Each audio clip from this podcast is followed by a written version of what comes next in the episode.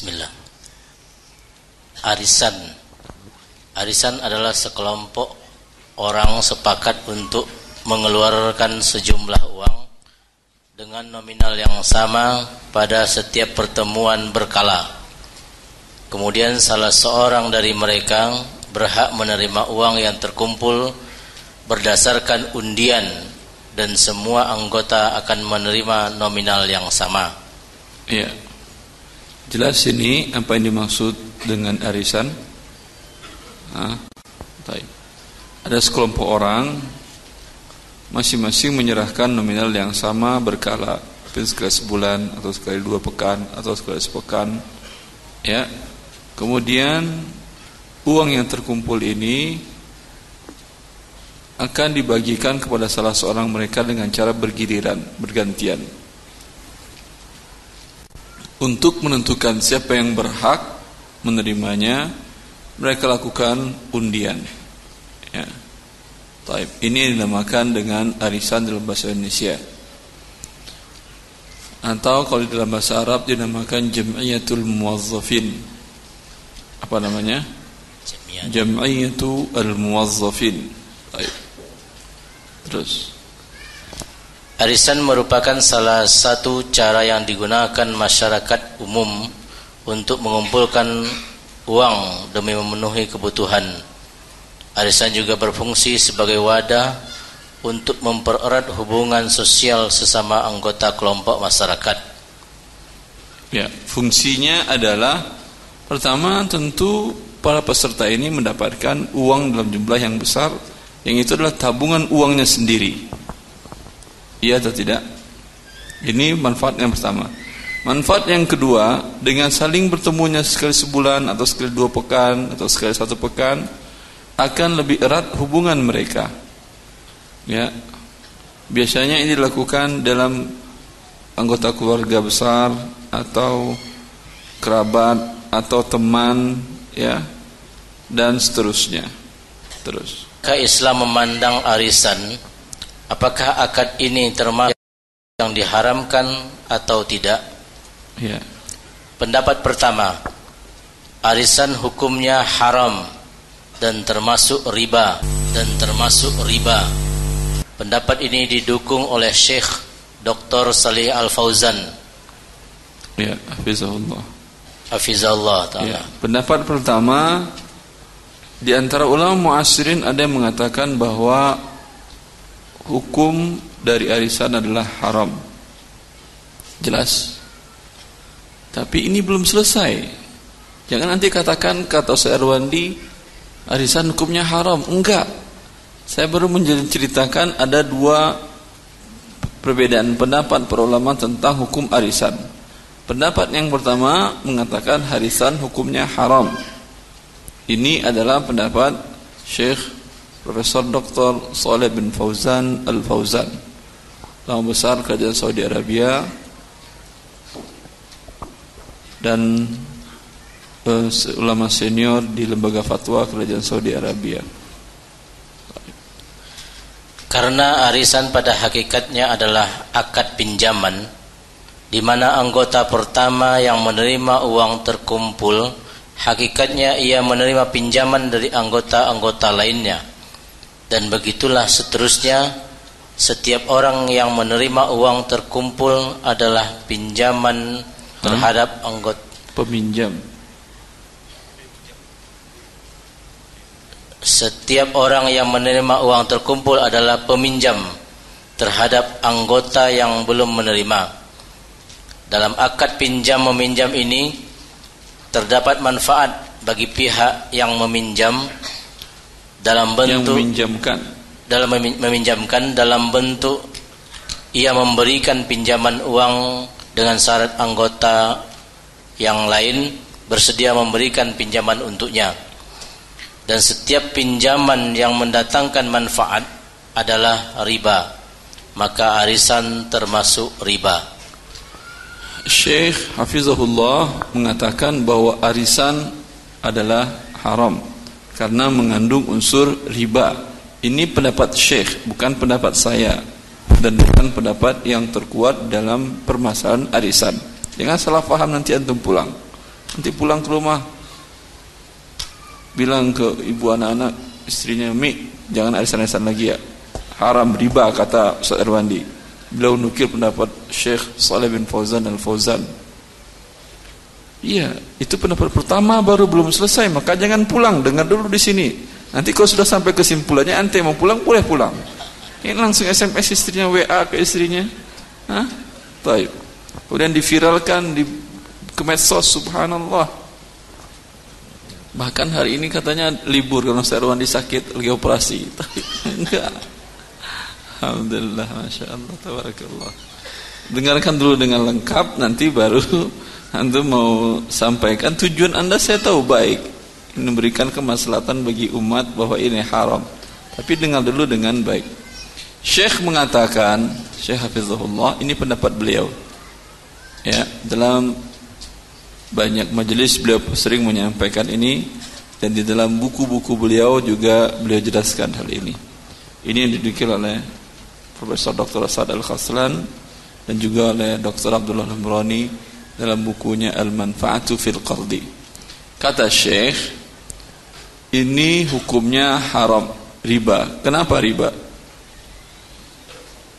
Kenapa riba? Kata Syekh begini, ribanya karena ini status ada 10 orang umpamanya masing-masing setiap awal bulan mereka menyerahkan uang 1 juta setiap orangnya berarti berapa terkumpul uang 10 juta. 10 juta ini akan diterima oleh salah satu di antara mereka. Bulan ini A bulan B mungkin C bulan selanjutnya ketiga mungkin F mungkin selanjutnya X dan seterusnya. Sampai selesai semuanya dapat masing-masing 10 juta. Selesai satu periode. Jelas ini? Ini apa akadnya akadnya adalah qard pinjam meminjam.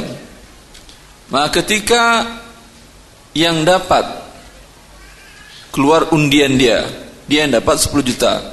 Dapat umpamanya si C atau si Ahmad. Hah?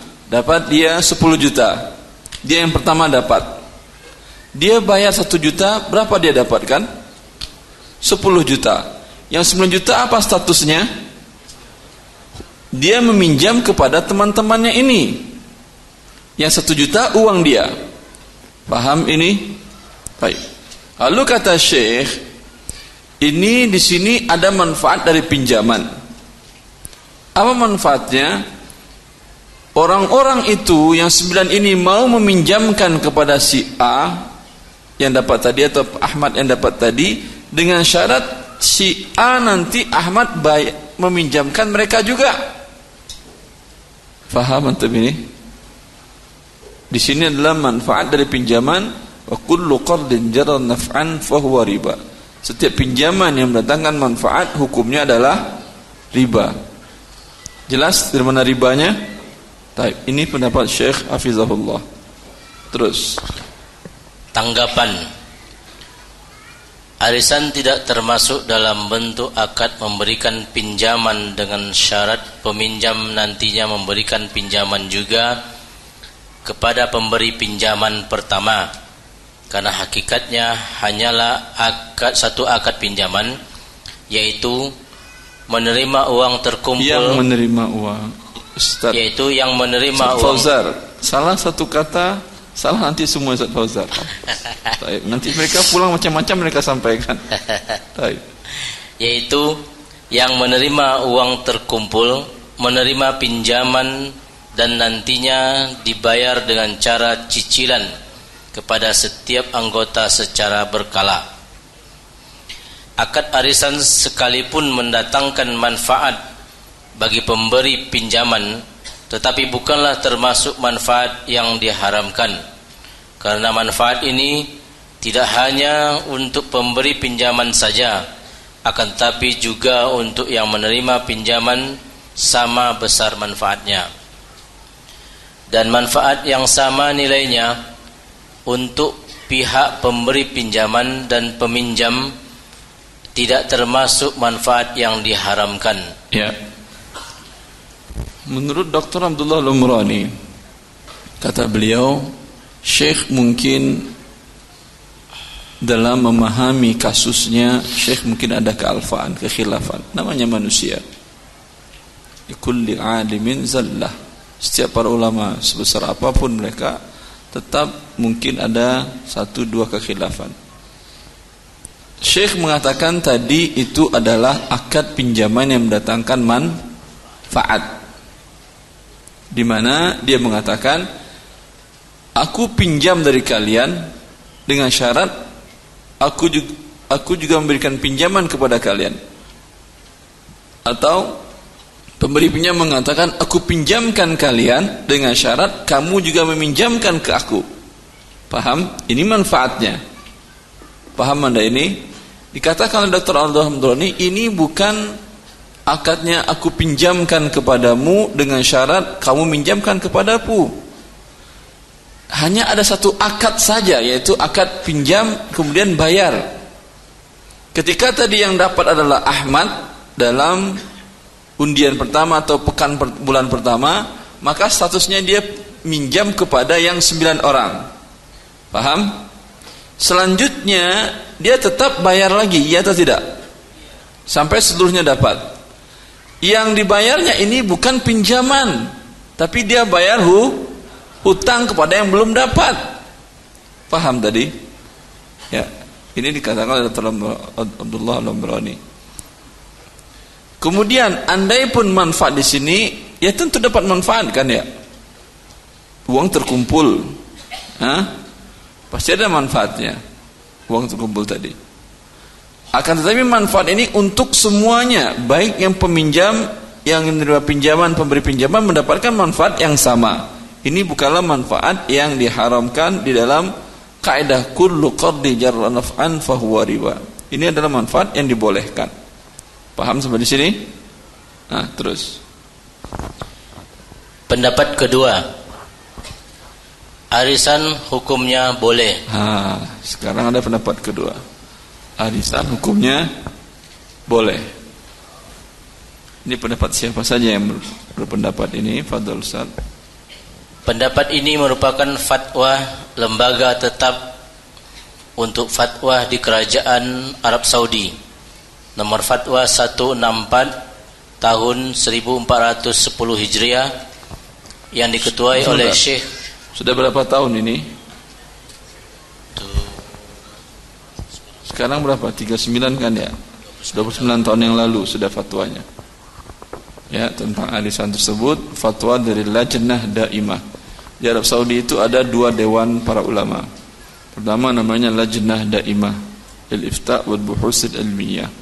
Kemudian yang kedua Hay'ah Kibarul Ulama As-Saudiyah.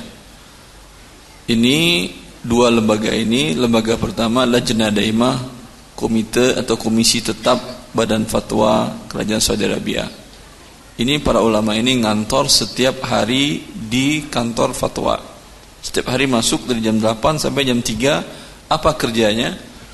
Nunggu ada sekretaris, kalau ada kaum muslimin dari mana pun nelfon, sekretaris ngangkat, kemudian dijawab oleh syekh, terdengar di ruangan syekh, dijawab beliau setiap pertanyaan. Jadi duduk syekh hanya untuk menjawab fatwa saja. Kalau ada yang datang, sekretaris mengizinkan, Lalu dia menyampaikan apa pertanyaannya, pergi selesai. Hanya itu saja kerja syekh ini. Ini namanya apa? Lajnah daimah. Lima hari kerjanya hanya itu saja. Hah? Ada di Indonesia seperti ini? Tidak. Tapi saya lebih parah dari ini. Ditelepon setiap malam pun ditelepon, jam 3 pun ditelepon. Kalau syekh ada jam kerjanya, kalau saya enggak ada jam kerja saya. Kadang WA jam satu pun WA satu malam. Subhanallah. Nah, berarti ulama Indonesia jauh lebih sibuk daripada ulama di sekitar Saudi Arabia. Ya, untuk imbalan yang diberikan oleh negara karena ini para ulama adalah imbalan tertinggi. Jabatan mereka set, apa namanya setingkat menteri sama dengan tingkatnya wazir ada ajudan, ada pokoknya setingkat wazir, setingkat menteri. Ini lajnah daimah. Jumlah mereka berbeda-beda, setiap tahun berganti. Sekali lima tahun berubah-ubah. Sekarang kalau nggak salah ada sekitar tujuh para ulama. Di antaranya mufti sendiri, kemudian Syekh Al Fauzan, kemudian Syekh Abdul Karim Al Khudair, Profesor Doktor beliau ulama bidang hadis, Syekh Abdullah bin Ali Rokban, Profesor bidang fikih, beliau salah satu dosen saya dahulu, Syekh Sa'ad bin Nasir Asasri, tapi sekarang beliau sudah di apa dinonaktifkan. Itu juga Profesor Dr. Hasan Sastri juga salah seorang dosen saya waktu di program S2 dahulu Saudi Arabia. Yang mereka ini adalah ulama-ulama besar di kerajaan Saudi Arabia tersebut. Ini namanya Lajnah Daimah menerima fatwa dari masyarakat. Dan ini penting. Ya masyarakat tinggal telepon di mana-mana. Ada nomor telepon para para ulama kantornya itu terbuka. Terbuka. Pada jam kerja tadi silahkan menelpon kapan pun juga. Di luar jam kerja tentu tidak bisa dan langsung diangkat oleh syekh. Dari sekretarisnya langsung dihubungkan ke syekh. Sekretarisnya laki-laki jangan macam-macam pikiran antum. Arab Saudi. Nggak ada sekretaris laki-laki semuanya nggak ada yang perempuan. Kemudian ada satu lagi badan namanya Hay'ah Kibar Ulama. Yaitu Badan Ulama Besar Saudi Arabia. Hai Akibar Ulama ini tugasnya adalah membuat keputusan fatwa bersama ya untuk permasalahan-permasalahan yang sifatnya umum yang berkaitan dengan orang banyak, bukan fatwa pribadi, bukan fatwa individu aja. Dia tidak menjawab fatwa individu, tapi fatwa umum seperti umpamanya tentang bolehkah tempat sa'i diperluas Dulu kan saya enggak seperti itu kan ya. Bolehkah tempat sa'i diperluas? Bolehkah tempat tawaf di bertingkat seperti yang sekarang? Sah enggak tawaf di lantai tiga di atas yang tempat sekarang dekat tawaf itu? Ini tugasnya. Setiap negara, setiap kerajaan, setiap raja ingin mengambil sebuah kebijakan diminta pendapat fatwa hayah kibar ulama ini. Hayah kibar ulama para anggota komisi tetap fatwa tadi itu langsung otomatis menjadi hak kibar ulama. Ditambah lagi para ulama-ulama yang lain yang tidak termasuk dalam daftar ulama fatwa yang ngantor setiap hari tadi. Ya. Jadi kalau dikatakan beliau udu, beliau adalah anggota ulama besar kerajaan Saudi Arabia, belum tentu beliau adalah ulama yang diminta fatwa setiap hari. Bisa jadi dia adalah seorang rektor seperti Syekh Abdul Musin At-Turki, beliau adalah mantan rektor di Universitas Al-Imam. Universitas Islam Al-Imam di Saudi Riyadh. Kemudian pernah beliau menjabat sebagai menteri agama juga. Itu beliau anggota dari Hayat Kibar Ulama. Dan Hayat Kibar Ulama background para ulamanya lebih beragam. Kalau ulama fatwa tadi umumnya mereka berfatwa berdasarkan mazhab Hambali. Bila ada permasalahan khilafiyah yang mereka rojihkan itu hak mereka. Tapi umumnya mereka adalah para ulama yang belajar dalam mazhab Hambali. Tapi hayah kibar ulama tidak lebih beragam. Ada para ulama dalam mazhab Syafi'i dikenal ulama besar dalam mazhab Syafi'i seperti Syekh Abdul Wahab dari beliau dari uh, Ummul Qura di Mekah. Sekali per tiga bulan atau berkala atau kapan dibutuhkan oleh raja untuk mengeluarkan keputusan bersama para ulama itu mereka bersidang. Paham anda ini?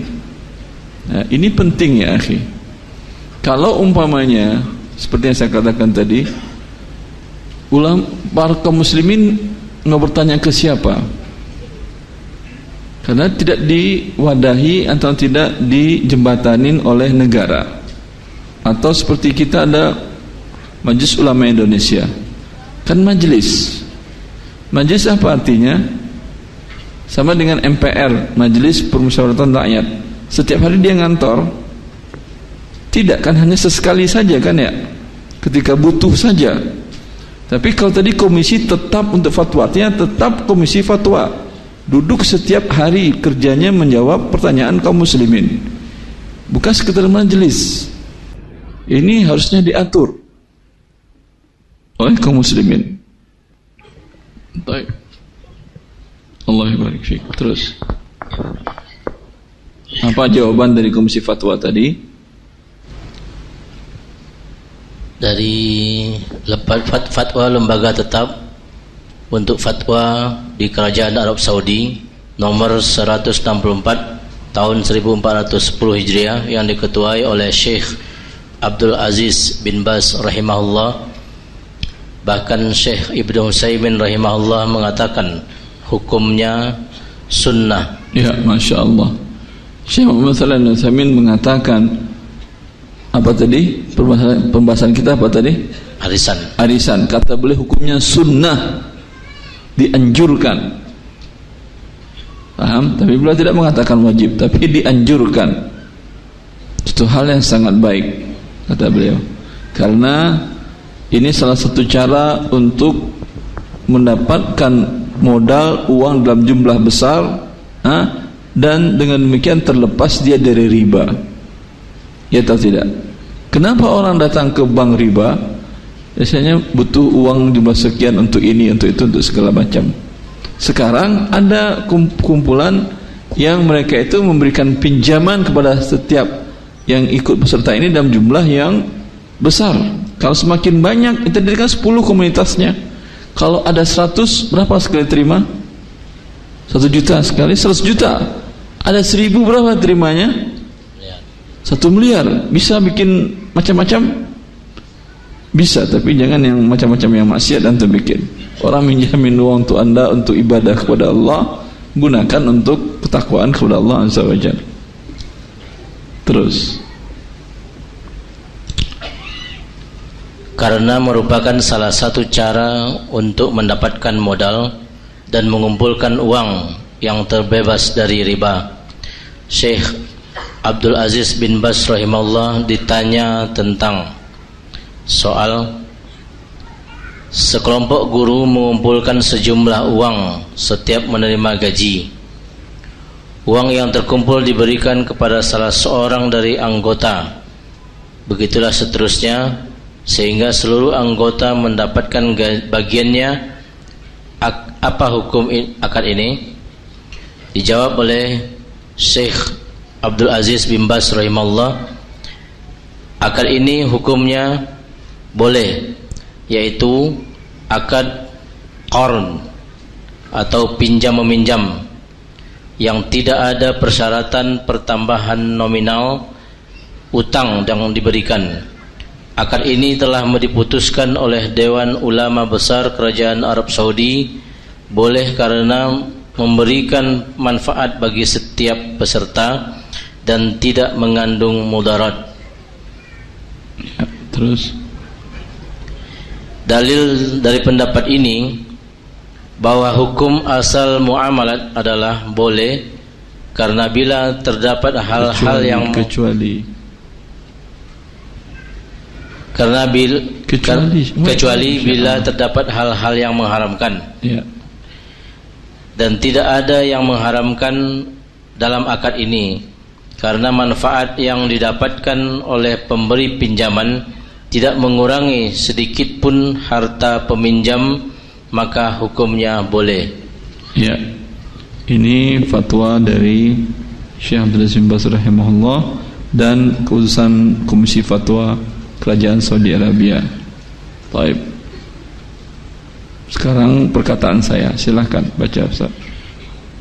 wallahu alam Ah, pendapat yang membolehkan arisan lebih kuat karena berpegang kepada hukum asal yaitu muamalat hukumnya boleh selagi tidak terdapat faktor-faktor yang mengharamkan adapun cara penarikan dengan cara dikocok tidak menyebabkan akad arisan menjadi haram sebagian orang ada yang berpendapat begitu. Kan undiannya Ustaz. Bukankah undian judi dan haram?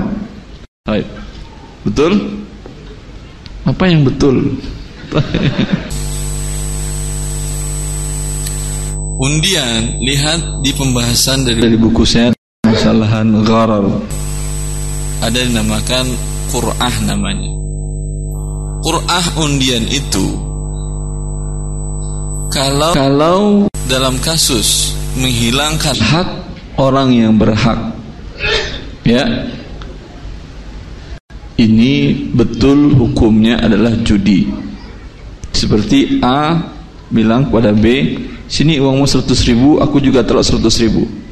Ah, ini uang uh, eh, 100 rupiah. Kamu pilih yang mana? Yang gambar atau yang angka? Hah? Dia bilang angka, yaudah kalau gitu saya gambar. Lalu dilempar ke atas, keluar yang angka. Yang tadi teman yang tadi ngambil 200 ribu. Hilang atau tidak uang yang satu tadi 100 ribu? Atau sebaliknya, ini dia yang Qur'ah undian yang haram. Paham? Tapi kalau Qur'ah pada dasarnya bila tidak menghilangkan hak orang lain, bukan mengambil hak orang lain dengan cara yang batil, hukum asalnya boleh. Bahkan Allah Subhanahu wa taala mengatakan fastahamu wa kana minal mudhadin. Mereka melakukan undian dan terus Nabi Yunus yang keluar sebagai orang yang harus dibuang ke laut. Ma'ruf kisahnya ini kan di mana ketika Nabi Yunus lari dari kaumnya ketika azab akan turun padahal belum turun perintah dari Allah Azza untuk meninggalkan kaumnya beliau lari naik kapal. Ternyata kapal tersebut menghadapi ombak yang besar dan akan tenggelam.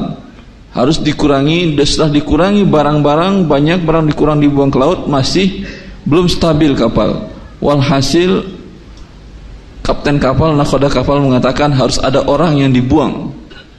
Ya Bukan tumbal, bukan tumbal selatan, bukan. Memang begitu teori dalam ilmu perkapalan tadi. Harus ada orang yang dibuang untuk mengurangi barang. Kalau barang sudah habis, tinggal orang aja lagi. Tinggal makanan pokok dan orang-orang. Dan gak mungkin semuanya.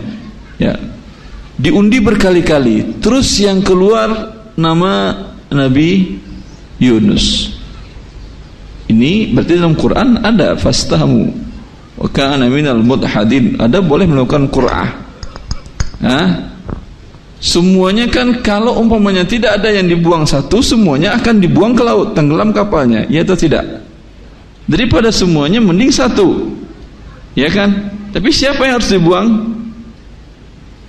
Yang enggak bayar? Enggak, mereka semuanya bayar mereka, semuanya bayar.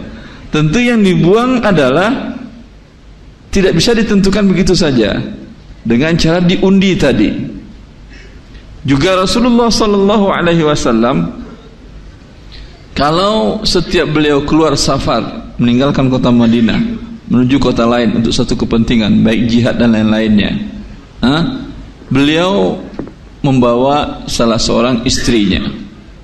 Karena tidak mungkin sembilan istri yang dibawa semuanya tentu pasukan perang atau perjalanan ribet dengan istri Rasulullah sallallahu alaihi wasallam. Oh, istrinya sembilan. Siapa yang akan mendampingi beliau? Yang paling muda apa yang paling tua? Hah? Kata yang paling muda yang paling tua aja lah. Kata yang paling tua yang paling muda aja lah. Dan seterusnya. Tidak ada yang berhak kecuali dengan diundi. Maka beliau selalu mengundi. Maka ini boleh. Jelas? Kan ada nggak hak orang lain yang diambil yang dimakan dengan cara yang batil? Kan tidak ada. Semuanya berhak. Sama seperti saya mengatakan, ini mau saya hadiahkan. Tapi jumlah antum banyak banget. Ada ribuan, nggak mungkin cuma setiap orang dapat satu helai kan ya? Hah? Bagaimana caranya untuk siapa yang berhak? Semuanya berhak. Datang pertama Ustaz, semuanya datang pertama. Hah? Bagaimana caranya? Udah diundi. Ini boleh. Paham? Karena tidak ada hak orang lain yang dihilangkan. Bila ada hak orang lain dihilangkan di sana di sana timbul perjudian. Paham antum itu? Baik. Terus akhi. Karena kocok atau undian atau Qur'an dibolehkan jika dilakukan untuk menentukan orang yang paling berhak di antara orang-orang yang berhak sebagaimana telah dijelaskan dalam pembahasan gharar. Masya Allah, Alhamdulillah. Selesai? Saya saat. Tutup lagi kajian. Pertanyaan lagi saat. Tutup buku, Taib. Silakan yang mau bertanya. Untuk pertanyaan dua dari Ahwan, satu dari Ikhwan yang bertanya langsung, satu dari kertas. Silahkan dari Ikhwan dulu. Make diri enggak hidup pas.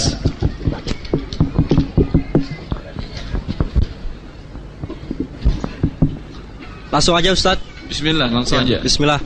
Assalamualaikum warahmatullahi wabarakatuh. Salam warahmatullahi wabarakatuh. Saya mau nanya Ustaz tentang eh, tiket komuter lain Ustaz. Itu kan komuter lain, KRL. Ah, Kita kan eh, bayar tuh 13.000 atau 15.000. ah. Sisanya kan Betul 13 atau 15?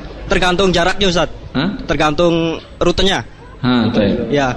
Jadi semakin panjang rutenya semakin mahal Ustaz. Terus Dan itu kan ada uang jaminannya untuk ngembaliin tiket Ustaz.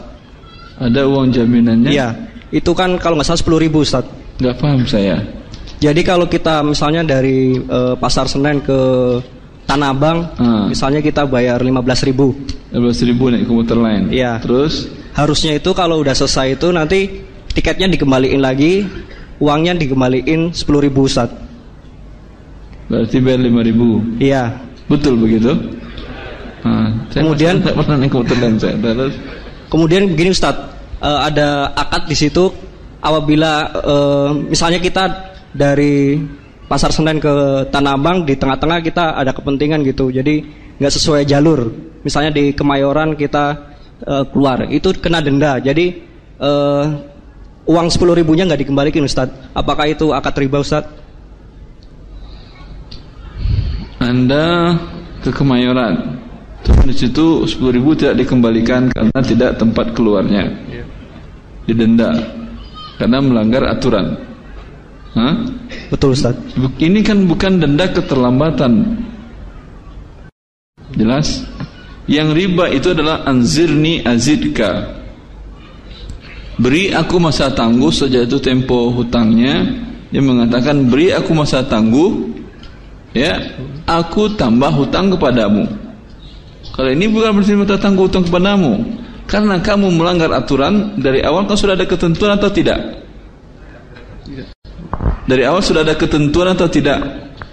Kalau yang itunya Sebelum anda beli tiket, ada nggak peraturan bahwa bila tidak tujuan yang kartunya dikenakan denda 10 ribu? ada Ustaz. Ada. Ada. Ya, berarti anda sudah siap untuk didenda. Karena menyalahi peraturan. Memang sengaja anda menyalahi aturan dan siap didenda. Jazakallahu khairan. Allah barakatuh. Ini halal ya. akhi. Assalamualaikum warahmatullahi wabarakatuh. Assalamualaikum warahmatullahi wabarakatuh. Silakan dari Ahwan. Dua pertanyaan.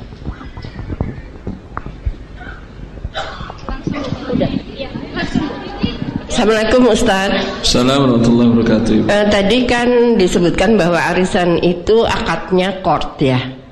Betul. Nah kalau di antara peserta arisan itu ternyata eh, penghasilannya adalah dari eh, dia sebagai pengajar alat musik gimana Ustadz?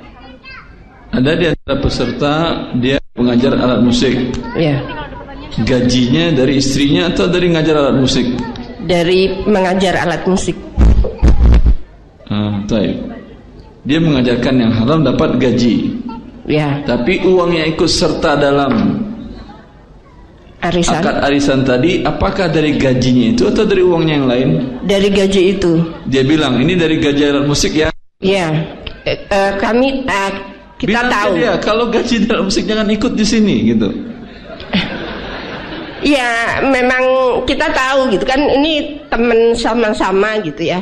Kita tahu bahwa dia penghasilannya itu dari mengajar alat musik. Dan iya betul. Tetapi apakah semua uang yang ada di kantongnya, yang ada di dompetnya dari mengajar alat musik semuanya? Dia tidak punya penghasilan lain selain dari mengajar alat musik. Oh, sebentar, dia suami ibu atau anak ibu? Kenapa teman, tahu banget? teman, teman, teman, Kalau teman, Ya. anda pasti tidak tahu penghasilan dia. eh, teman dekat tahu dia memang profesinya mengajar alat musik. Iya, tapi mungkin ada uang di dompetnya itu hadiah dari istrinya. Istrinya bukan ngajar alat musik, istrinya guru ngaji. Enggak, suami istri mengajar alat musik. Taib, ya udah bilang ke dia kamu nggak boleh ikut dalam arisan ini. Gitu ya? Iya. Oke, baik. Allah barik fiik. Boleh satu lagi Ustaz. Kalau saya mengontrakkan atau menjual rumah saya kepada mereka yang itu tadi penghasilannya dari mengajar alat musik boleh nggak? Tidak boleh juga. Terima kasih Ustaz. Kalau dia bayar dengan uang itu. Tapi kalau anda bayar, saya tahu penghasilan anda haram. Silahkan disinggah di sini gratis. Kalau mau bayar pakai uang anda yang halal yang lain, itu boleh. Ya, Pertanyaan selanjutnya Ustadz silahkan ya Bu. Bagaimana hukumnya arisan untuk mendapatkan buku agama Untuk dengan mendapatkan apa? buku agama Buku agama. ya kayak buku fikih gitu Ustadz Terus dengan membayar cicilan per bulan dengan harga total yang sudah ditentukan dan yang mendapat bergiliran sebentar. Berarti akadnya adalah buku, bukan uang yang diserahkan. Eh, awalnya itu uangnya dulu. Jadi misalkan Uang kemudian dibelikan buku oleh panitianya. iya, Ah, baik. Bukunya sama terus harganya atau turun naik? Di situ dibilangnya harganya misalkan 2 juta, terus diskon gitu. Kalau misalkan kita ikut arisan itu dengan bayar misalkan per bulan 300 ribu, nanti yang dapat itu bergilir gitu. Pertanyaan saya, buku itu tetap harganya atau naik turun? Eh, naik turun. Ah, berarti iurannya naik turun atau tetap? Iurannya tetap. Kenapa bisa begitu? Soalnya apa? Nanti ketika naik nggak bisa si panitianya beli bukunya. Dia nombokin Maksudnya kayak awalnya misalkan 4 juta, terus jadi harga 2 juta kalau kita ikut arisan itu.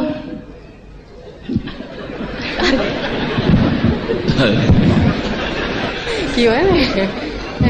Kalau bayarnya tetap dan bukunya tetap dapat yang sama, hukum asalnya boleh. Karena berarti dia meminjamkan 4 juta, kemudian dia dapat uang 4 juta dalam bentuk buku tadi. Paham? Tapi kalau naik turun, maka dia membayar 4 juta kemudian mungkin pekan depan atau undian ke depannya dia bayar 4, 4 juta 100 kemudian mungkin ketika dia yang dapat harganya sudah 4 juta 500 maka di sini ada unsur ribanya. Dia pinjam uang 4 juta dia berikan pinjaman uang 4 juta dia terima uang 4 juta 500 atau dia terima uang 4 juta 100 ya. Afwan Tat, kalau bagian diskonnya Tat, jadi kan harganya kalau di luaran mungkin misal tetap 4.500 tapi jika kita ikut arisan itu harga bukunya itu jadi diskon dua setengah juta misalnya nah itu boleh nggak Tat?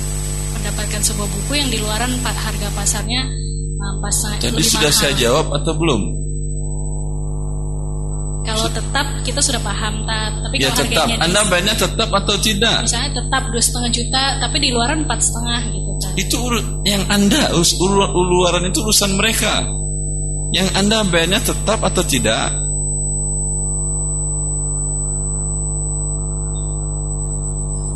Tidak ada jawaban? tetap Tat, tetap. Tetap. Kalau Anda tetap bayarnya, boleh.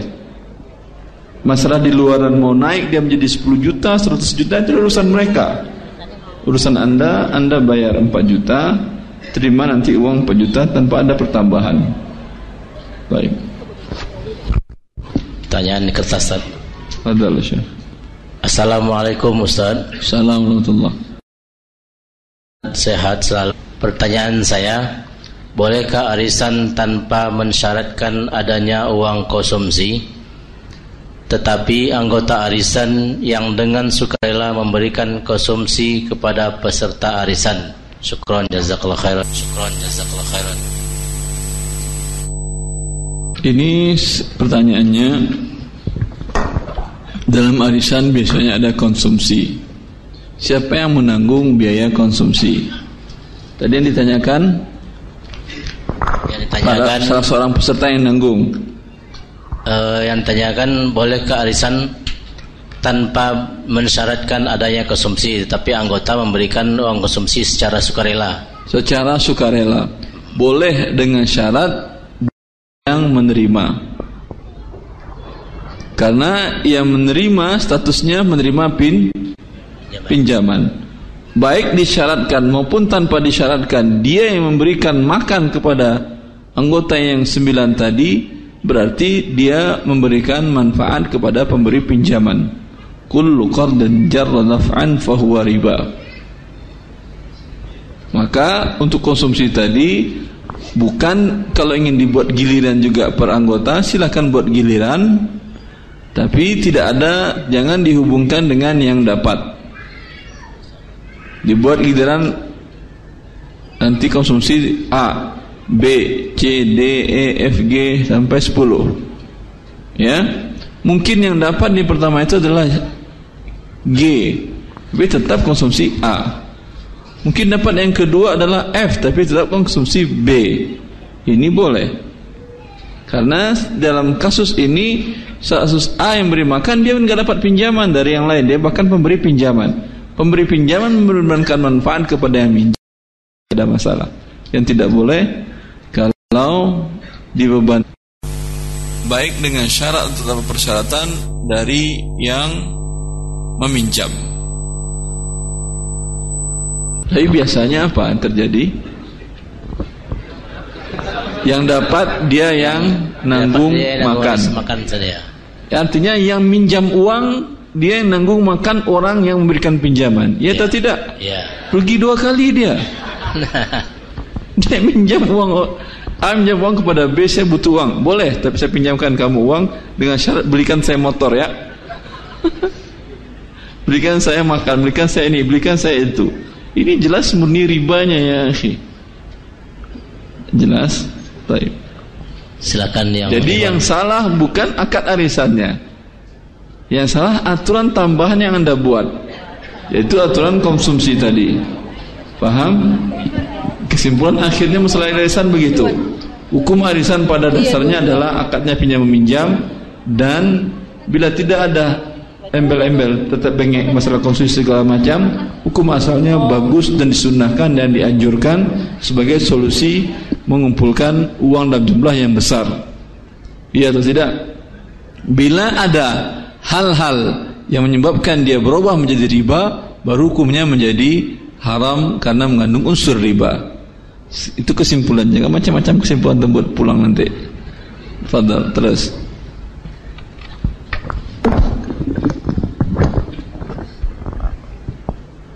Assalamualaikum. Waalaikumsalam warahmatullahi Bagaimana hukumnya bekerja di sebuah perusahaan? Kurang jelas perusahaan tersebut kurang jelas. Uh, bagaimana hukumnya bekerja di sebuah perusahaan di mana perusahaan tersebut usaha di bidang pembuatan kartu elektronik?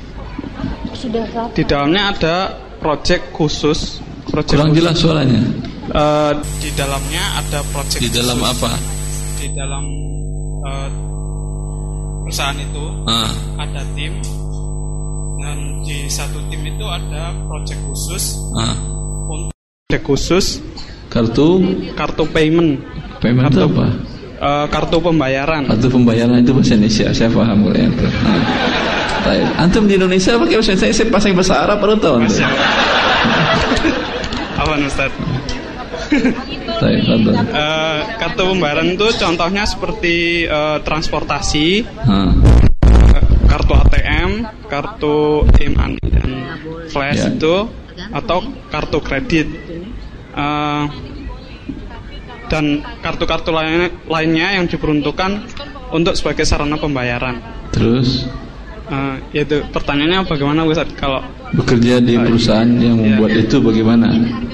Baik di perusahaan kartu tadi. Kartu tadi akan digunakan untuk A, B, C dan D. Pesan tadi tadi. Kalau dia di bagian tim yang membuat kartu kredit saja dan dia tahu orderannya dari bank konvensional haram dia bekerja di situ. Karena dia membuatkan kartu riba. Jelas? Jelas. Hah, minta uh, pindah ke kartu yang lain. Saya membuat saya kartu riba saya nggak mau buat. Saya kartu halal saya mau buat. Kartu debit itu adalah apa isinya uang dia yang memang dipinjamkannya ke lembaga itu. Kalau lembaganya syariah, dia meminjamkan uang ke lembaga syariah. Walaupun ke lembaga riba dia pinjamkan uang ke lembaga riba, tapi ini kartu untuk menarik uang dia. Hukum asalnya boleh minta pindah dari membuat kartu riba kepada kartu yang debit. Kemudian kartu yang lainnya, kartu apa lagi? Kartu uh, tol? Kartu yang lainnya kartu payment seperti e-money, e-money di seperti apa? Kartu uh, Indomaret, kartu tol, kartu itu? Iya, iya. Ah, taib. Untuk kartu GoPay pakai kartu enggak kan ya? GoPay enggak pakai kartu malah. Taib. Untuk kartu yang ini ini ada syubhatnya. Terkadang ada unsur riba, terkadang tidak. Kalau Anda belanja seperti di Indomaret atau menggunakan kartu e-tol tadi, terkadang diberikannya ada promo diskon Ketika ada promo diskon, maka ini penggunanya riba. Karena dia memberikan manfaat kepada pemberi pinjaman. Karena kartu itu isinya kan uang. Uang yang dipinjamkannya kepada si penerbit kartu ini. Ya atau tidak? Ya. Bila dia berikan manfaat dalam bentuk yaitu nilai jasa atau nilai uang potongan kepada si pemberi pinjaman maka ini adalah riba. Jelas? Tetapi ini tidak mutlak dia ada diskon ada diskon terus. Indomaret dan kartu tol tadi? Hah? tidak kan? Ada event-event tertentu saja. Jelas antum itu? Ya. maka ini mengandung syubhat. Ada unsur halalnya dan unsur haramnya kalau dia ingin yang halal banget, tinggalkan juga yang itu. Cuma satu aja yang bisa dia buat. Saya cuma bisa bikin satu aja, yang kartu debit aja saya. Jelas? Jelas. Lalu Ustadz, uh, uh, di bagian tim kami itu uh, cuman menyediakan software, software dari kartu tersebut, uh, dan tim kami tidak mengetahui uh, software yang kami buat itu digunakan untuk kartu apa aja. Tidak mengerti dia? Iya. Apakah nanti ada kartu kredit atau jadi kartu Indomaret, jadi kartu hanya software yang dibuatnya? Iya. Enggak ada masalah. Alhamdulillah. Barakallahu fiik Ustaz. Allah Silakan yang awal.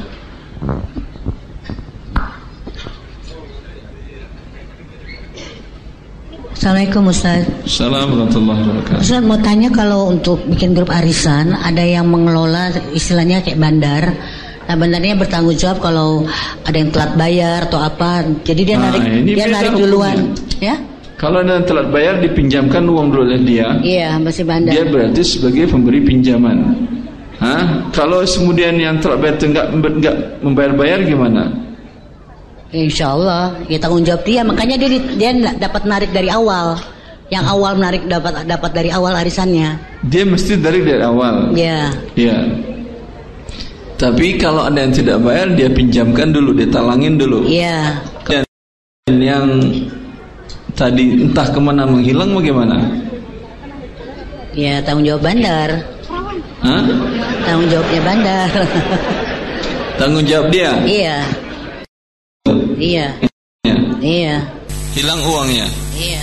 Dia dapat keuntungan apa dia dapatkan? Cuma narik pertama aja. Iya. Ini untung atau rugi ini?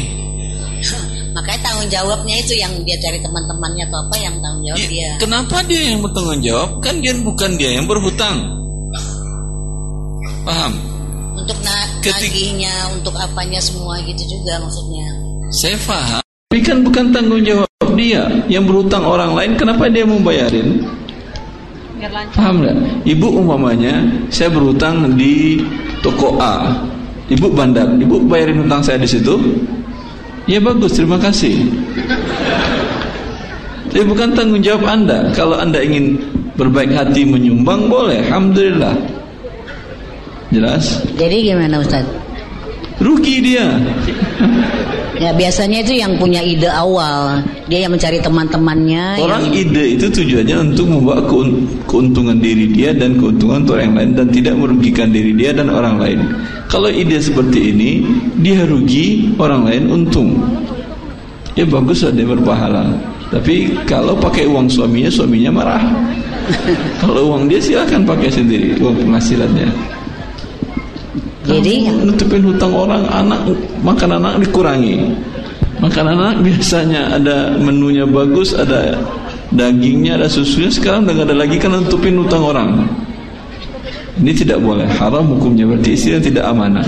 Karena suami memberi dia belanja untuk kebutuhan rumah tangga bukan untuk menutupi hutang orang. Jadi solusinya gimana Ustaz? Solusi apanya? Kan udah berjalan. Udah ya mulai bilang udah... saya tidak menutupi hutang dia. Oh gitu. Tapi boleh gitu dengan adanya di awal apa nggak boleh? Tidak boleh, tidak boleh. Nah, oh. Jadi tanggung jawab sama-sama ya Ustaz ya? Tanggung jawab iya. yang berhutang. Kalau dia belum dapat giliran, ah, dia belum bayar, nanti ketika dia dapat giliran dapat dia, dia dipotong langsung dari hutangnya. Cuman yang repotnya dia udah dapat kemudian menghilang. Nah iya. Ini kan tanggung jawab iya. si pengelola tadi kalau dalam sistem yang Anda buat. Oh sistem kezaliman. Terus. Ya. Kalau untuk uang kas boleh Ustaz kumpulin uang kas di uang kas? Gak paham saya uang kas harisan maksudnya apa Ibu? Uh, harisan tapi ada uang kas, uang kasnya itu untuk uh, sosial untuk apa ada makan-makan atau apa pergi itu boleh ya Ustaz? Bentar dulu nggak paham saya uang kas apa. Ini artinya setiap yang dapat atau semua peserta di bagian setiap, dari setiap datang semua peserta semua peserta bagian dari setorannya dia uang yeah. dipinjamkannya sekian persen untuk uang sosial gitu kadang-kadang nggak juga mamanya seratus ribu tambah sepuluh ribu seratus sepuluh sepuluhnya untuk kas gitu untuk kas apa ini? Untuk kasnya grup arisan. Kebutuhannya untuk apa? Kalau ada yang uh, uh, adanya untuk sosial untuk sosial. Sosial, jangan anda syaratkan. Yang mau nyumbang silahkan. Yang nggak mau nyumbang haknya dia. Uh. Paham? Oke okay, oke. Okay. Jadi uang kas jangan disyaratkan. Hah? Iya jangan disyaratkan uang kasnya seikhlasnya. Ya. Ya, jazakallah khair Ustaz. Baik fikir Bu. Assalamualaikum Ustaz. Assalamualaikum warahmatullahi uh, Saya masih nyambung tentang pertanyaan tentang konsumsi Ustaz. Uh, saat ini arisan yang saya jalankan itu arisan keluarga di dalamnya terdapat uh, setoran konsumsi beda dari uang arisan ditentukan per kepala keluarga. Misalnya terkumpul misalnya saja 500 ribu gitu tat yang ingin saya tanyakan itu misalnya saya kebagian uh, ketempatan arisan nih uh, saya kan punya dikasih budget 500 ribu itu ya dari keseluruhan itu. Misalnya suguhan yang saya sajikan saat itu ternyata capai misalnya saya satu juta gitu. Nah ini termasuk unsur uh, riba atau tidak gitu tat ya kalau anda pas ketika itu dapat tidak boleh. Oh. Paham? Oke. Okay. Kalau anda bukan yang dapat boleh. Uh, uh, jadi kalau masalah kelebihan kalau pas dana kesempatan anda dan ya. bukan anda yang dapat ya. sebelumnya, Hah? Ya. Boleh. Jangan kan cuma lebih lima ratus ribu, lima juta pun lebihnya boleh. Oh, jadi nggak masalah kelebihan. Pada keluarga dekat bagus. Jelas? Ya, Allah ya, memuji orang-orang seperti ini. Wa yut'imuna at'ama ala hubbihi miskina wa yatima wa asira. Bahwa sifat di antara orang-orang penduduk ahli surga tersebut mereka memberi makan kepada orang-orang yang dicintainya. Tentu orang yang dicintai oleh manusia adalah karib kerabat yang dekat kepada dia, teman-teman dia dan lain-lainnya. Um, satu pertanyaan lagi ya, Dad biasanya uh, ada beberapa arisan yang memungut bayaran untuk jasa si bandar Ustadz itu boleh atau tidak ya? Si bandarnya ikut juga ikut ikut tidak? ikut Kalau arisan dia ikut berarti dia juga akan mendapat pinjaman. Mhm. Paham? Ya. Atau dia mendapatkan statusnya memberikan pinjaman juga. Iya. Ketika dia memberikan pinjaman, dapat uang dari peminjam. Biaya administrasi, maka di sini tergabung dua akad, akad pinjam minjam dengan akad ijarah, akad sewa jasa. Dan Rasulullah SAW naha an bain wa salaf. Rasulullah SAW larang melakukan akad jual beli digabung dengan akad pinjam meminjam. Tadinya aku pinjamkan uang engkau 2 juta dengan syarat beli kacamata saya. Ya. Ini menggabungkan jual beli dengan pinjam meminjam. Karena dalam hal ini biasanya si peminjam mendapatkan manfaat. Harganya biasanya beda dengan harga normal. Atau si yang pembeli tadi melebihkan harganya karena orang ini sudah berbuat baik memberikan pinjaman maka di sini muncul riba wallahu taala alam Berarti nggak boleh ya Tat ya? Riba itu artinya boleh ibu atau artinya memang tidak boleh ya harus terus Iya, oke. riba Jadi- jelas tidak boleh ah Ya. Terus. Eh, Jazakallah Ustaz. Assalamualaikum. Waalaikumsalam warahmatullahi Assalamualaikum Ustaz.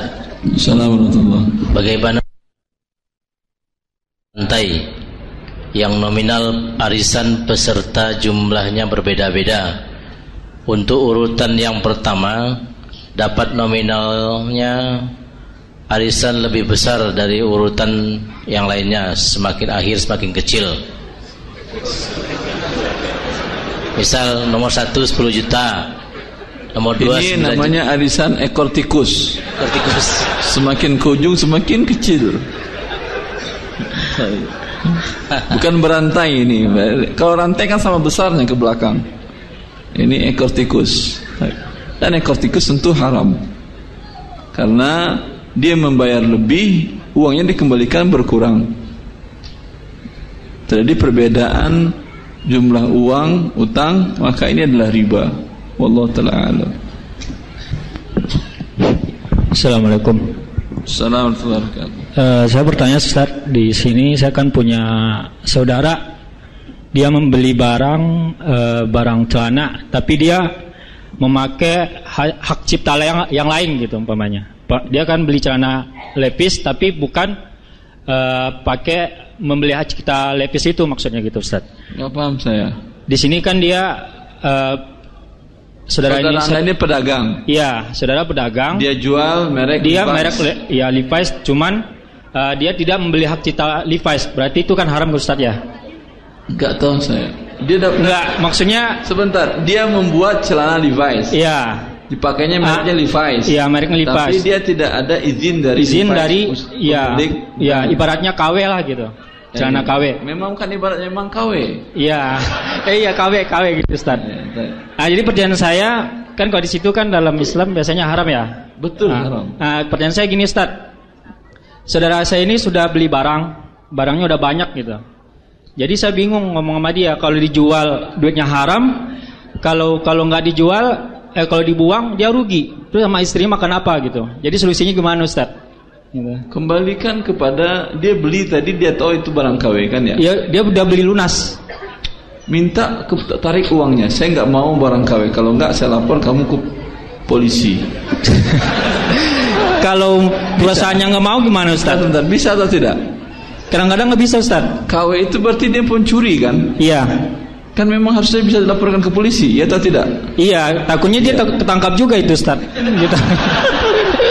Makanya takut gimana itu. Dan kamu sekarang Iya. saya tangkap duluan nanti yang produsennya nanti saya tangkap atau kamu duluan aja. Ya kalau umpamanya eh, ngadu polisi sama-sama bilang- ketangkap Ustaz. Bilang ke polisi saya bertaubat dari kepada Allah Azza wa Jalla. Iya, maksudnya Hah? barang itu saya sistem itu tarik uang saya lagi gitu. Jadi barang itu harus Syarat dibuang. aku ditangkap ya udah nggak masalah. Kalau ya adalah- maksud saya barangnya itu dibuang atau di mana dibuang kan nggak mungkin. Harga kan puluhan juta bisa ratusan juta gitu. Kalau dibuang kan rugi gitu. bukan rugi mubazir. Iya mau bahas- ya terus sistem sistem barang itu harus di- diapain gitu Ya Ustaz. udah sudah selesai pertanyaan saya mau jawab. Nah ya. Saya. Jawabannya adalah jual tanpa ada pertambahan harga dan beritahukan barangnya KW. Dia beli umpamanya sekitar 10 juta, dijual juga 10 juta tanpa ada pertambahan.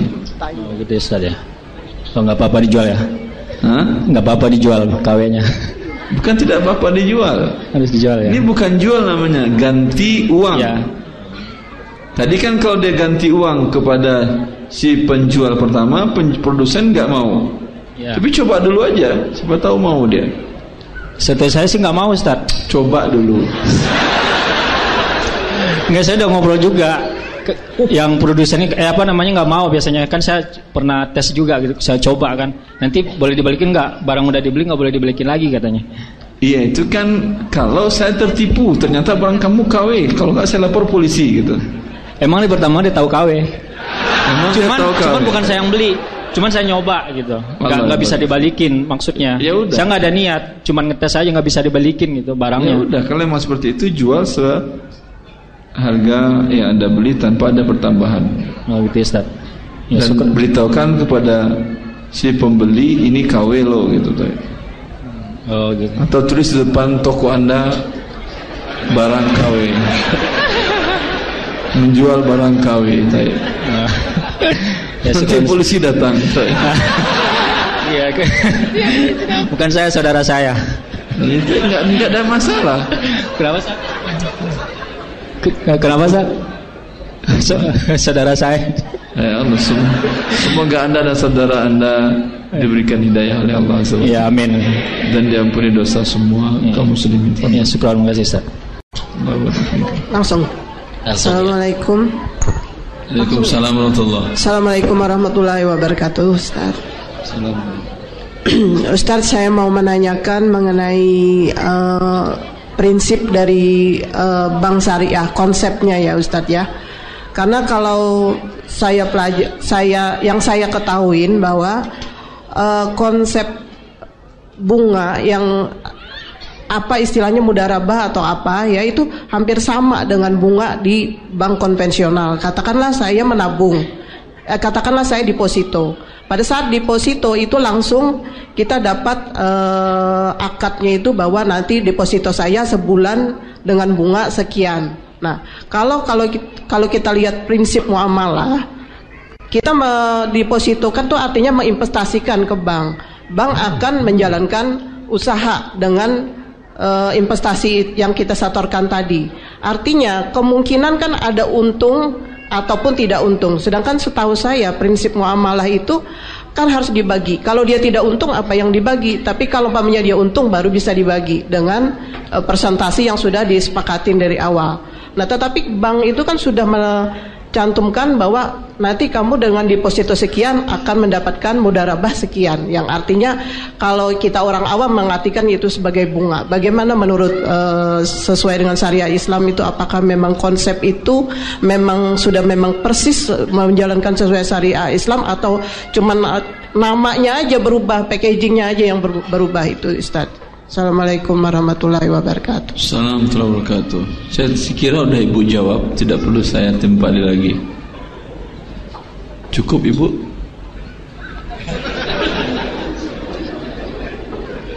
Ibu udah tahu. Ada yang lain? Ada yang lain yang awalnya? Afwan Ustadz mungkin maksudnya butuh meyakinkan aja dari Ustadz gitu. Meyakinkan dari saya banyak terlalu banyak ceramah saya di buku juga ada saya jelaskan tentang bank syariah tersebut. Bukan kasus itu saja, kasusnya banyak banget. Artinya bank syariah yang ada di Indonesia ini negara kita ini tidak menjalankan prinsip syariah sesuai dengan apa yang dijelaskan oleh syariat melalui perkataan dan syarat ketentuan yang dijelaskan oleh para ulama Islam dari masa ke masa. Cukup? Cukup Ustadz, tapi boleh nambah satu lagi nggak Ustadz? Mengenai arisan ya Ustadz ya. Ah, arisan. Tadi kan diuraikan oleh Ustadz bahwa eh, arisan tadi ada mengandung apa namanya kehalal kalau memang tidak ada unsur haramnya ya. Tetapi secara keseluruhan menurut Islam sendiri apakah itu lebih baik kita menjalankan menghindari arisan itu? Atau memang sebenarnya nggak ada masalah kita mau ikut arisan gitu ya secara Islam? Karena kalau saya lihat di sisi seperti begini Ustadz kita arisan biasanya anggota arisan pasti akan mengharap dapatnya di awal. Nah di awal itu kan buat yang pengen mengumpulkan uang buat menjalankan usaha kan dia bisa berjalan. Nah, bagaimana yang di awal itu dibandingkan yang dapat di akhir? Akhirnya terjadi kan pemikirannya unsurnya gambling di situ. Nah, kemudian bagaimana juga dengan menyikapi misalnya yang pertama ini dapat tapi begitu bulan kedua dia terpuruk dapat kena musibah dan akhirnya dia tidak bisa membayar. Bagaimana solusinya di dalam Islam apa? Ustaz. Itu saja. Assalamualaikum warahmatullahi wabarakatuh. Tadi katanya satu lagi, ini dua lagi. Ibu mau yang mana ya? Satu aja. Yang mana ibu tanya? Yang pertama, yang kedua. Yang mana yang mau dijawab? Yang dijawab, yang maksudnya dijawab? Yang mengenai arisan, pertanyaannya singkatnya apa pertanyaan? Singkatnya ya itu harusnya kita menghindari apa bagaimana ya arisan Santai. itu. Tadi dikatakan oleh para ulama di antaranya Syekh Muhammad Sallallahu Alaihi rahimahullah bahwa ini akad tolong menolong bantu membantu untuk mendapatkan uang dalam jumlah yang besar dan tidak mengandung unsur riba. Kalau dikatakan dianjurkan disunnahkan, berarti sebaiknya ikut atau tidak? Udah, ikut sebaiknya. Karena selain itu juga mempererat hubungan. Bila ada yang ghibah sana sini, nasihatin. Ini bukan majlis ghibah. Ini adalah majlis tolong menolong, bantu membantu untuk dapatkan modal dan uang. Baik. Jelas? Assalamualaikum Ustaz Assalamualaikum uh, Saya mau tanya uh, Apa hukumnya ikut arisan uh, Tapi kita dengan niatnya menabung Karena jujur saya sebagai wanita atau istri itu Kadang suka sulit ngisiin uang untuk menabung Terima kasih Ustaz. Assalamualaikum. Salam. Boleh dianjurkan ini. Ini kan memang bentuknya menabung. Dia berikan pinjaman tanpa ada pertambahan. Ya. Selanjutnya.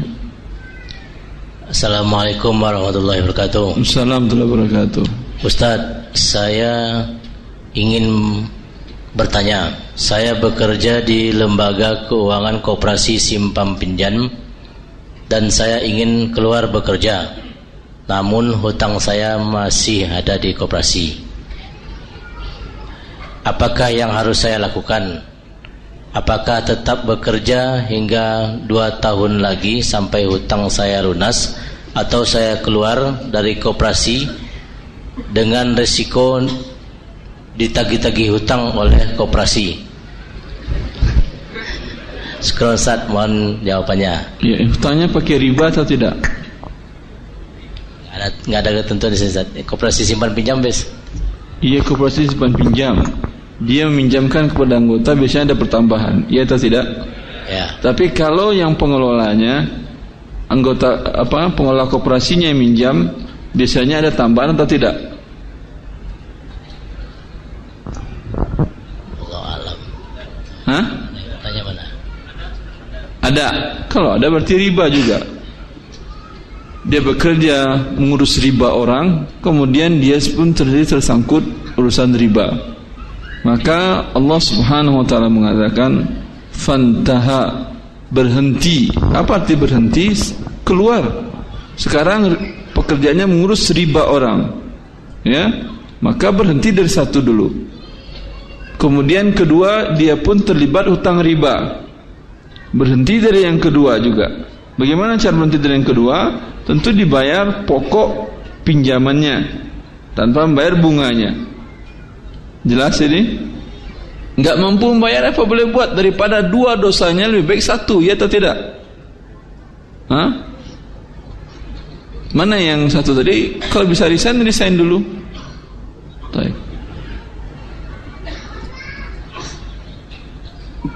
Assalamualaikum Ustaz. Assalamualaikum warahmatullahi saat mengenai arisan ya kalau misalkan di di dalam arisan itu dipersyaratkan ada ada kas gitu kan ada ada kas nah pertama tujuannya kas itu ada kas itu maksudnya apa siapa yang dapat bayar uang gitu enggak enggak semuanya semua anggota itu ada kas Uh, itu tujuan maksudnya? tujuannya untuk buat jalan-jalan di akhir penutupan arisan tat.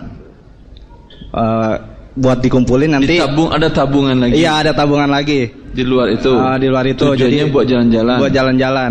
Kalau kakinya patah bisa jalan-jalan?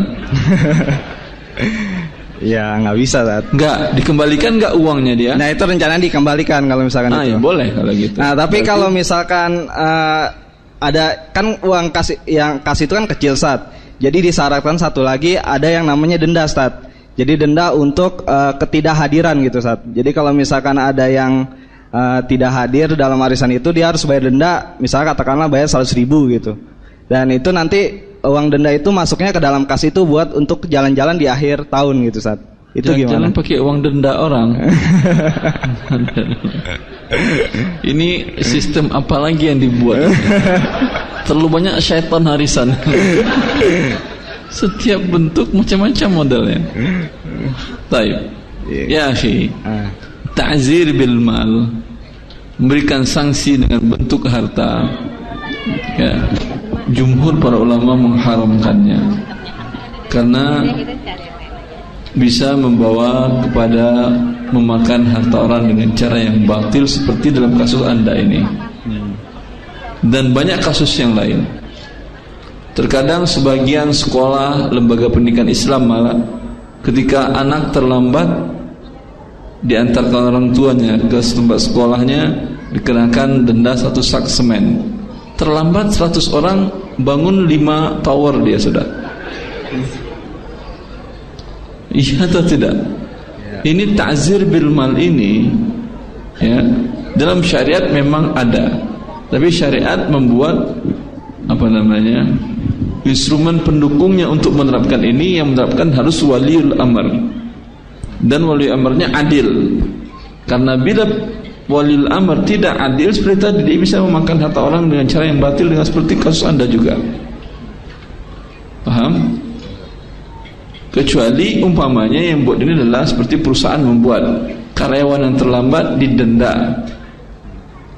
dalam bentuk dipotong gajinya. Memang harus dipotong gajinya dia nggak masuk.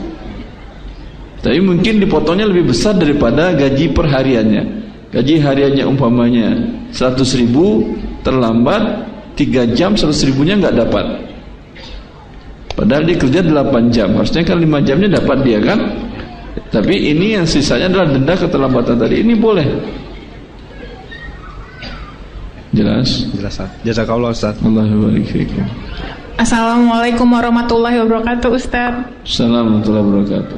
Ustaz boleh dua pertanyaan Ustaz?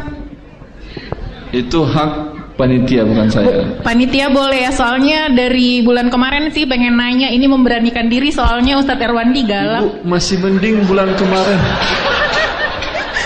saya, saya boleh ya Ustadz ya sebentar masih mending bulan kemarin saya katakan saya oh, gitu. bulan yang lalu ke Batam seminar di sana.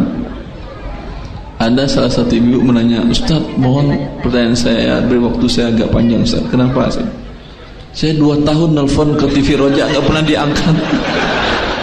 Dua tahun nih bu Iya naam Ustadz yang baru satu bulan. Dia dua tahun menunggu. Maka ya. bersabarlah kepada Allah dan berdoa agar seperti yang katakan tadi adalah jedah daimah yang bisa ngangkat telepon anda setiap saat. Amin. Nah, Ustaz. Yang pertama, Ustaz, eh, bagaimana hukumnya jika karyawan A ini bekerja di perusahaan dan di bagian di bagian procurement? Apa? Staf procurement pengadaan, Ustaz. Apa namanya itu? Pengadaan barang. Staf pengadaan barang. Ya.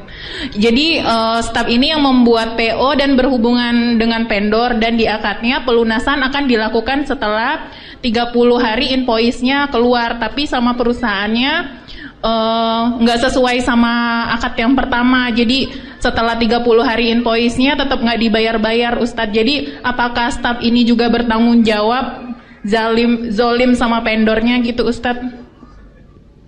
Zalim ke perusahaan uh, dia perusahaan yang mengadakan, mengadakan barang, barang yang beli iya, barang. yang beli barang. Terus perusahaannya oh. Bayar terlambat iya so, yang dan membuat akad dengan vendor tadi adalah karyawan ini yang berhubungan yang nego iya atas nama tapi atas nama perusahaan kan ya? Iya atas nama perusahaan yang tanda tangan dia, juga bukan dia staffnya. tahu atau tidak memang tabiat perusahaannya seperti itu. Iya tahu Ustadz dan Kalau itu tahu selalu wajib dia sampaikan kepada vendornya. Kamu hati-hati dengan perusahaan saya ya. wajib ya sih. Bagian daripada nasihat, ad-dinun nasihat. Agamanya adalah nasihat. Kalau tidak dia termasuk yang berdosa. Oh gitu. Bukan Nah, dia wajib bayar tidak. dibayar Ustadz tapi Bayar telat. pakai apa gajinya bayar nggak cukup? Hah? Tapi kewajiban dia menyampaikan menasihati si vendor tadi. Kamu hati-hati dengan perusahaan saya. Bikin akadnya mengikat seperti ini seperti ini, ajarkan dia. Paham? Paham Ustadz. Nah, itu itu bagian dari nasihat daripada agama Allah Azza Jalla. Ustadz terus Ustadz saya kan eh, jualan juga nih Ustadz. Jadi eh, keluar kota tapi akadnya penitipan. Panitia, panitia boleh. Boleh.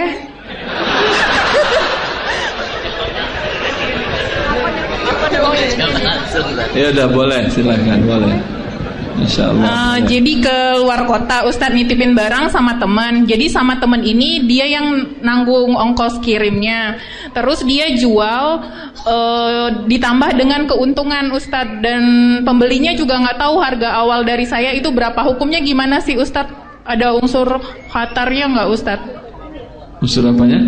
Unsur eh lupa unsur apa ya? Jadi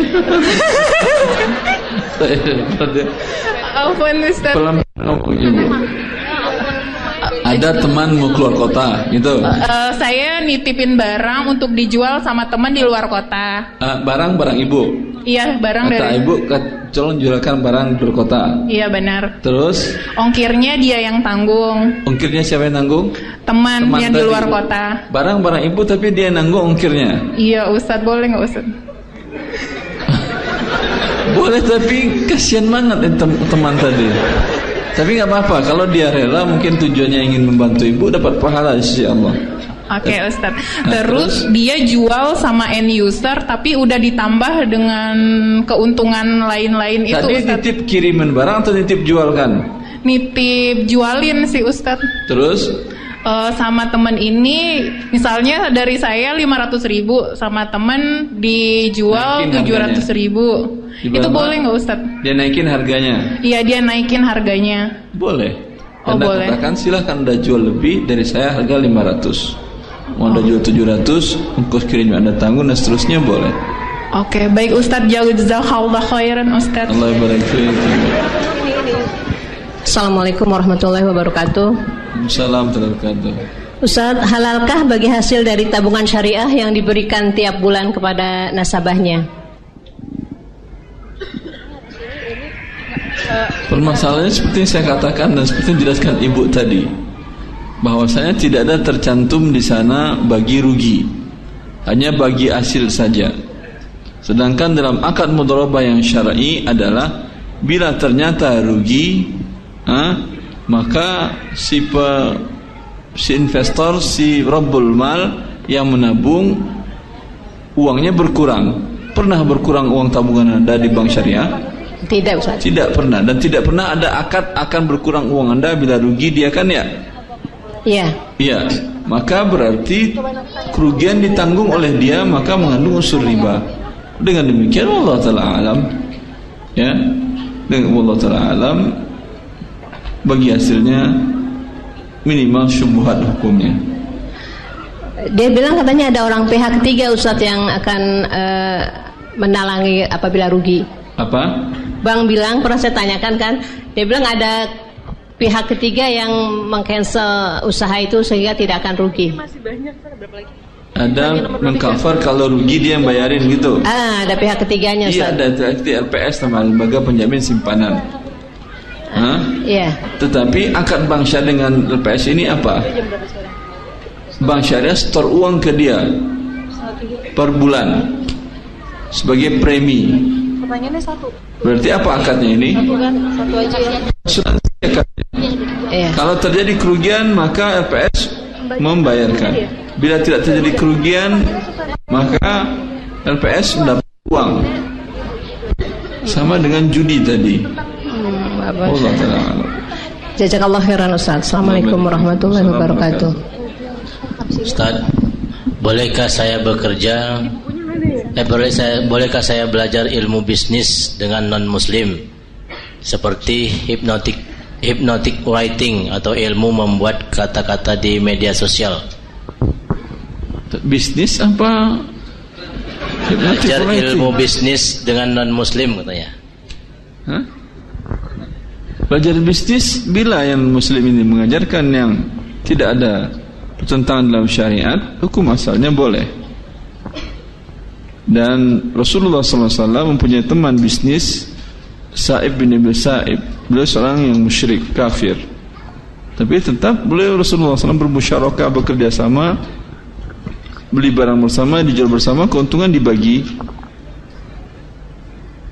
Jelas? Pelajari syariat Allah dahulu, pelajari fikih muamalah dulu. Nanti ya yang halal dari bisnis konvensional tadi silahkan pelajari. Tapi tidak mengerti anda fikih muamalat khawatir anda diajarkan macam-macam. Diajarkan cara menghitung bunga cara mengajukan pinjaman riba. Iya kan bisnis biasanya entrepreneur seperti itu kan ya? Bagaimana membuat proposal agar turun kredit dari bank A, B, C dan D. Iya atau tidak? Apa artinya anda diajarkan untuk bagaimana dapat riba? Bayar lagi anda itu mahal. Ini kajian gratis dapat anda yang halal? Alhamdulillah. Taib, jelas? Assalamualaikum. Assalamualaikum Mohon panitia uh, Saya juga mau ngajuin dua pertanyaan Boleh ya Satu saja dan Satu saja? Waktunya sudah habis Pak. Oh karena Satu saja ya, okay. Waktunya habis satu saja. Satu saja hmm. uh, Yang oke. Okay. uh, Misal saya ikut perlombaan Lalu bayar uang registrasi dengan nominal mungkin saya nggak tahu kalau misalnya saya uh, lombanya itu lomba makan cepat. Saya nggak tahu. Makan cepat. Sakit nanti antum ini cepet, yang buat sakit ya cepet-cepetan ngabisin makanan. Atuh kalau kelihatan lihat emak antum dimarahin tuh. Makan cepet-cepet kayak seton aja kamu. Gitu tuh tidak? Ya jadi uh, lombanya itu yang tercepat yang menang. Jadi uh, uang pendaftarannya itu bayar 200 ribu. Ini kalau dapat hadiah walaupun tanpa bayar hukumnya haram. Pernah kita bahas sebelum ini. Perlombaan yang boleh dapat hadiah hanya untuk tiga perlombaan la sabqa illa fi khufin aw hafirin aw nasrin tidak boleh dalam perlomba, sebuah perlombaan dapat hadiah kecuali tiga jenis perlombaan yaitu pacu kuda, pacu unta dan lomba memanah kalau ada uang keikutsertaan dan hadiah diambilkan dari situ ini mengandung unsur judi Dua di sini haramnya. Jelas, apalagi membuat Anda sakit makan terburu-buru. Kalau keselak gimana? Innalillah. Udah jangan ikut yang macam-macam ya. Allah barak. Assalamualaikum. Assalamualaikum. Assalamualaikum Ustaz. Itu terakhir Sudah habis, Ibu. Bu, habis. Ah? Ditutup ya, Ustaz. Enggak satu lagi aja si ibu tadi. Habis Satu ini dong tolong Ustaz. Ya, bismillah Ibu. Ini Bismillah. udah dua bulan ini Ibu. Iya. Baik.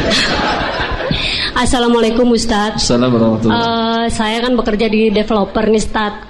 Allah. kebetulan saya staf bagian pajak. Nah kebetulan Staf eh, menguruskan pajak atau or- dari kantor pajak bukan pengurus pajak di developer tersebut Tat. yang gajiannya developer. Betul. Berarti Nah, Anda berusaha pajak developer Anda berkurang dari semestinya. eh, enggak sih sebenarnya gini pertanyaan. Boleh, boleh, asal sesuai dengan undang-undang tidak melanggar undang-undang. Iya, iya, Tat. Pertanyaan Boleh. saya ini nih, Tat. Eh, kan setiap ada setiap setahun sekali itu perusahaan perusahaan saya kerja itu suka bagikan uang lebih ke masing-masing eh, rekening karyawan tuh tat. Sementara dananya itu saya tahu kalau itu dananya dari fee KPR tat. Nah itu hukumnya Maksud gimana? KPR itu apa? Fee KPR ini gini. Jadi kan kita developer itu kerjasama dengan bank-bank yang mau akad kredit gitu ya tat.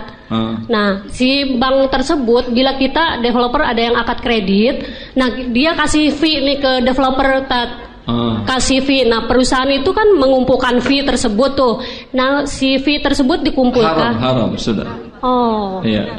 Nah sekarang gini Tat, Udah. maksudnya bukan bukan maksudnya uh, yang uang kan karena uang itu masuk ke rekening kita nih langsung ke rekening karena. Iya berikan kepada fakir miskin. Oh fakir miskin aja. Kalau fasilitas kayak masjid atau apa itu nggak boleh. Iya, iya. Lebih baik fakir miskin daripada fasilitas. Iya, fasilitas kan negara yang bangun. Oh, Ngapain oh, baik, kita sibuk-sibuk? Baik, baik, baik. baik. Jazakallah. Tutup. Assalamualaikum Ustaz. Cukup, cukup Ustaz. Cukup ya. Cukup. Ya, saya tutup. Ya. Semoga bermanfaat subhanakallah bihamdika